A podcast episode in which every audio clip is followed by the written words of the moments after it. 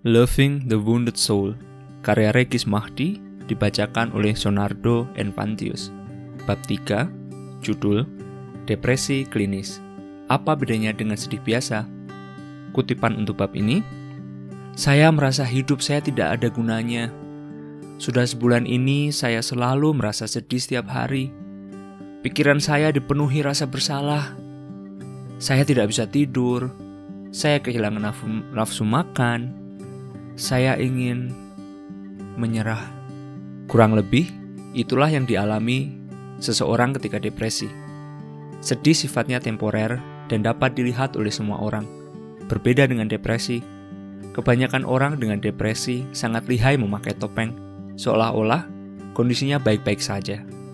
Mereka bisa tersenyum dan terlihat produktif bekerja, padahal sedang memikirkan betapa tidak berharganya diri mereka.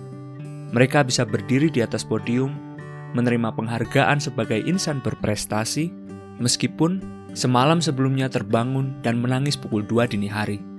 Mereka bisa tertawa, menonton bioskop, memasak bersama teman, walaupun satu jam sebelumnya memikirkan rencana bunuh diri. Kesedihan biasanya memiliki penyebab yang jelas dan baru saja terjadi dalam hidup seseorang.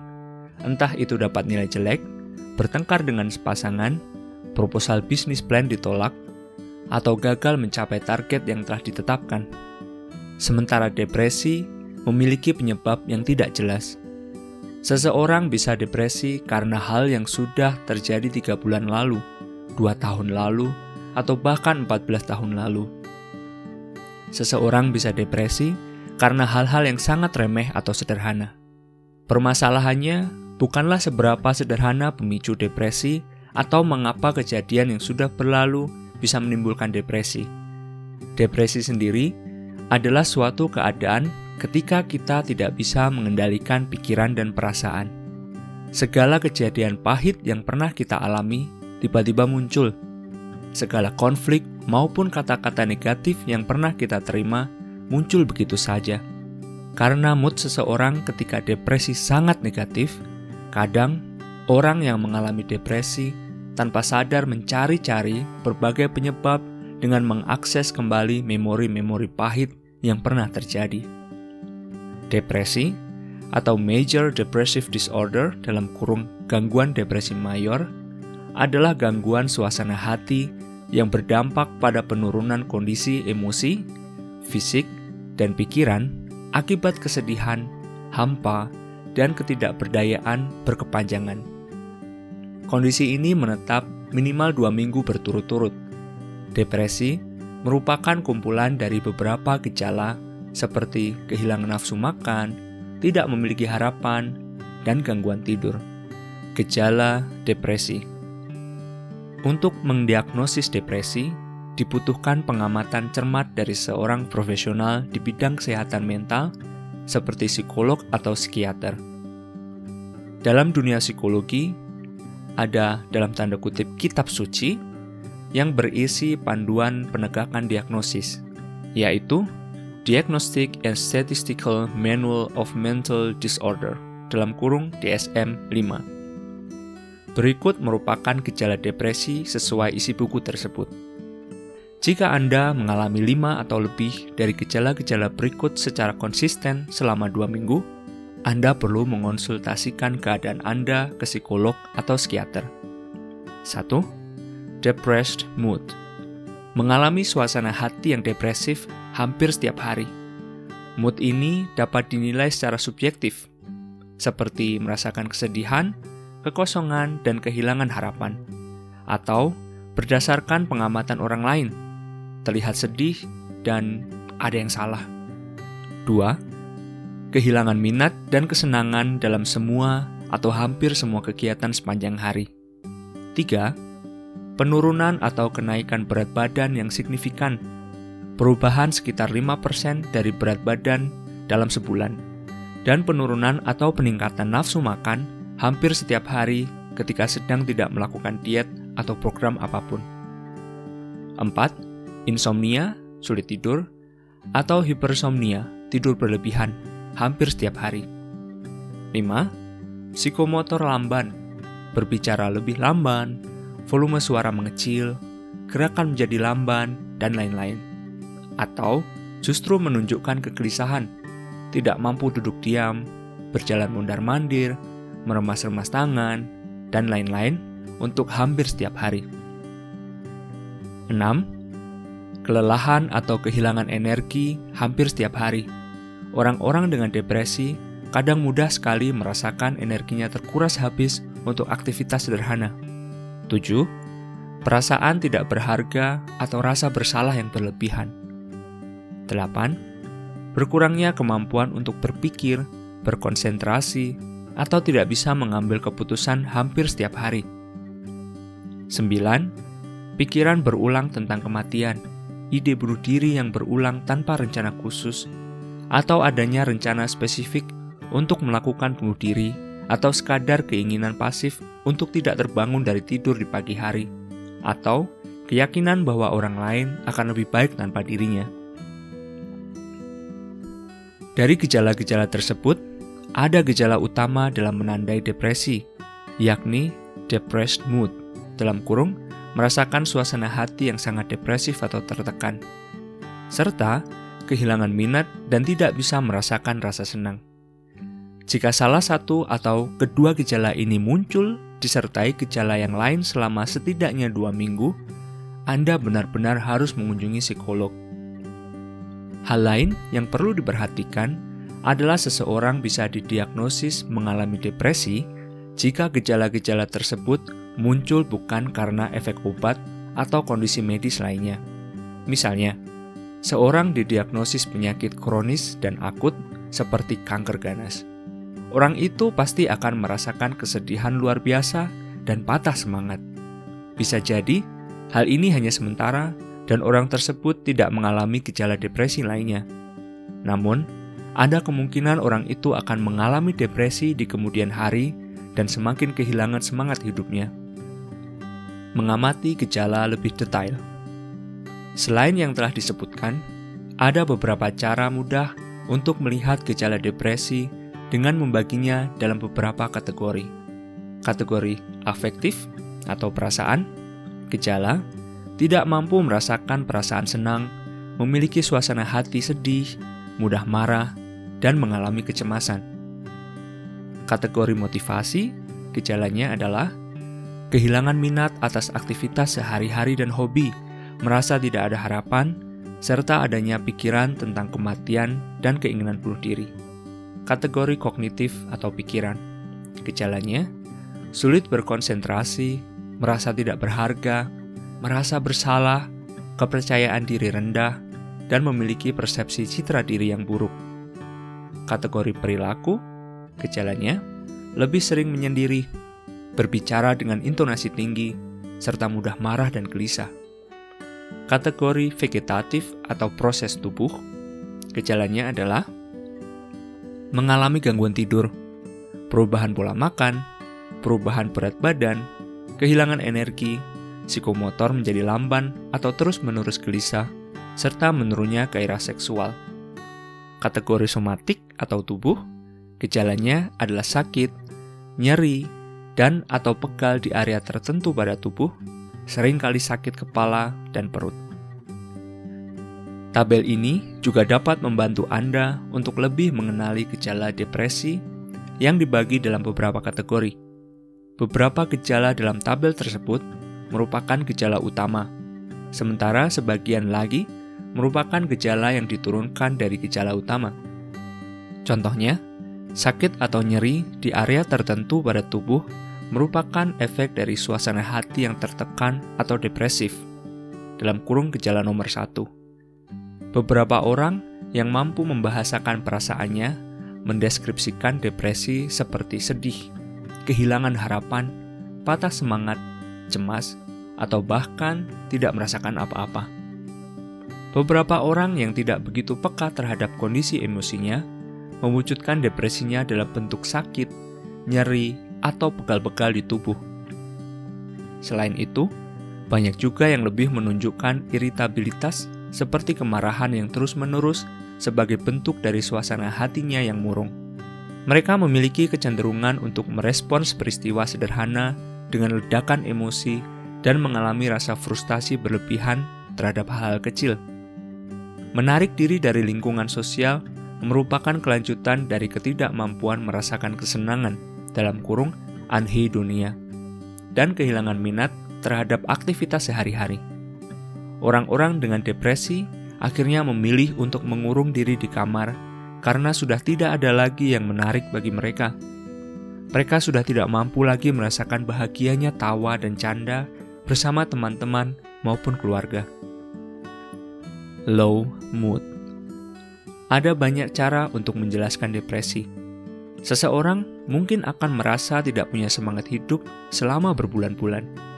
Seseorang akan bangun dari tidur dan diam di kasurnya hingga beberapa jam sebelum memulai aktivitas. Seseorang yang lain mungkin akan mendeskripsikan dirinya sebagai orang yang selalu murung, dipenuhi rasa kesepian, merasa sia-sia, tidak berharga, terus-menerus letih, atau merasa selalu ada awan hitam di atas kepalanya.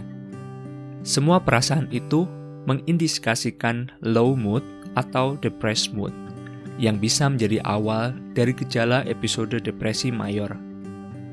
Jika Anda mengalami hal ini, mungkin saatnya anda membaca buku self-help dan berkonsultasi ke psikolog untuk mengantisipasi depresi atau gangguan mental lain berkembang di kehidupan Anda di masa mendatang. Worthless, hopeless, helpless.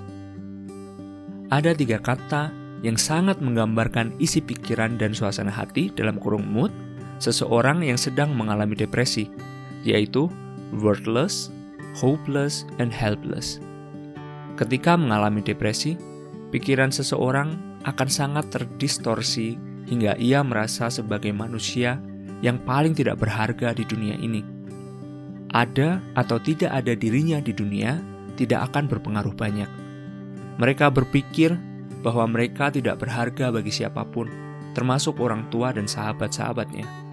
Perasaan tidak berharga yang muncul sewaktu depresi sering kali tidak realistis yang bisa mereka ingat hanyalah kejadian-kejadian di mana mereka selalu merepotkan dan menjadi beban bagi orang lain. Selain itu, ketika merasa depresi, seseorang merasa tidak ada hal lagi di dunia ini yang dapat membuat mood mereka membaik. Mereka merasa hanya depresi yang bisa mereka rasakan seumur hidup. Tidak ada harapan dan tidak akan tertolong lagi.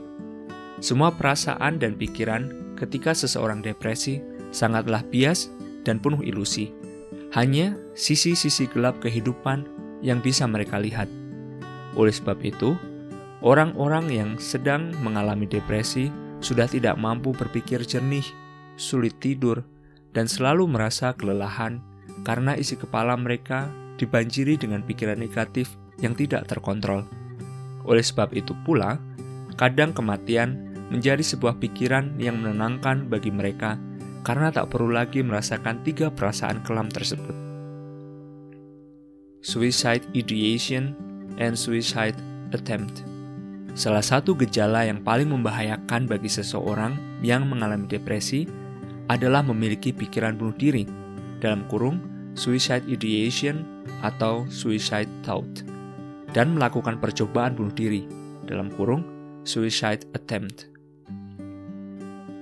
Suicide ideation biasanya masih berupa ide, keinginan, atau rencana. Pada orang yang mengalami depresi, pikiran itu bisa muncul begitu saja hampir setiap hari dalam bentuk yang beragam.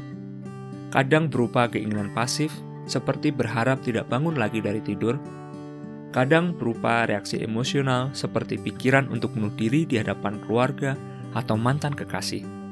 Kadang juga berupa rencana pasti yang ingin dilakukan secara sembunyi-sembunyi agar kematiannya tak diketahui. Namun, selayaknya cinta yang suatu saat berani kita utarakan, selayaknya amarah yang pada puncaknya berani kita luapkan, ide bunuh diri juga mampu dilakukan oleh mereka yang telah memikirkannya sekian lama. Pikiran bunuh diri sesungguhnya dapat berubah menjadi aksi bunuh diri apabila seseorang merasa sudah tidak lagi merasakan bahwa eksistensinya berharga. Ia menganggap kematiannya akan membuat semua orang terbebas dari beban.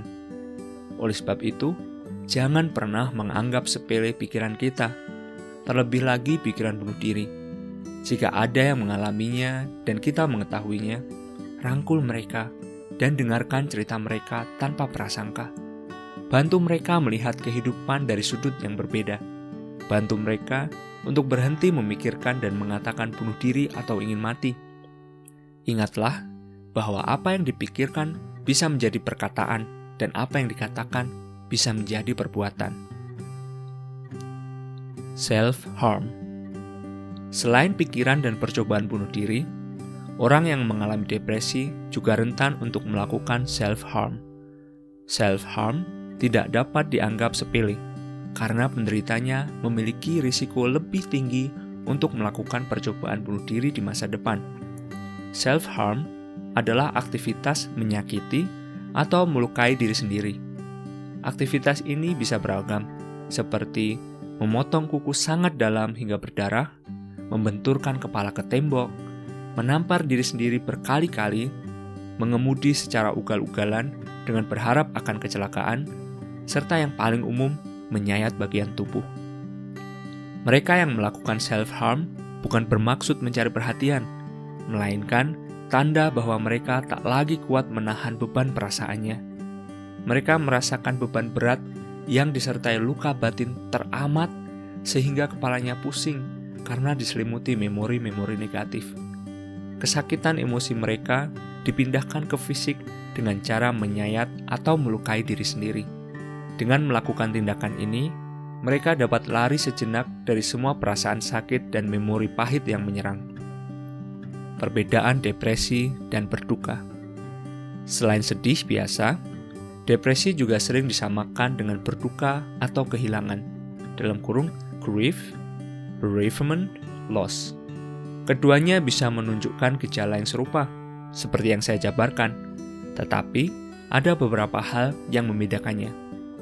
Ketika berduka, misalnya karena pasangan atau orang tua meninggal, seseorang bisa menunjukkan gejala seperti kesedihan yang mendalam, insomnia, dan tidak nafsu makan, layaknya pada episode depresi mayor. Namun, ia masih bisa memikirkan memori-memori manis dan menyenangkan mengenai orang terkasihnya. Berbeda dengan orang yang sedang mengalami episode depresi mayor. Pikirannya lebih didominasi kekecewaan, kesedihan, kesalahan, dan pikiran negatif lainnya yang tidak terkendali. Seseorang yang berduka juga tidak kehilangan kepercayaan diri dan masih menganggap dirinya berharga di dunia. Duka pun akan membaik seiring waktu, dan ia bisa belajar menerima duka tersebut. Berbeda dengan depresi yang menghancurkan kepercayaan diri kita dan membuat kita merasa tidak berharga serta tidak bisa pulih dalam waktu yang cepat. Ia bisa hadir dan hadir lagi tanpa permisi. Duka adalah reaksi normal atas peristiwa kehidupan, sedangkan depresi kadang merupakan reaksi sedih yang mendalam tanpa peristiwa yang spesifik. Harus diketahui, duka dapat berkembang menjadi depresi apabila duka tersebut adalah duka berkepanjangan yang tidak sehat dan tidak tersalurkan dengan baik. Umpamanya, seseorang yang calon istrinya meninggal dapat berpikir bahwa kehidupan akan menakdirkan dia untuk selalu sendiri. Dia juga merasa dirinya sebagai pembawa sial yang tak pantas untuk siapa pun, dan penyebab kematian calon istrinya. Sederet pikiran delusional lainnya pun turut muncul sampai menghancurkan harga dirinya, hingga lama-kelamaan menjadi depresi. Mari menjadi lebih peka. Depresi sangat berbeda dari sedih biasa Depresi memiliki banyak gejala yang bisa dilihat dan tak terlihat. Jika gejala-gejala itu terjadi pada diri kita, sudah saatnya mengambil jeda sejenak dan berdamai dengan pikiran dan perasaan kita. Jika gejala-gejala itu terlihat pada orang terdekat, ada baiknya kita mulai lebih perhatian dan peka akan kebutuhan psikologisnya.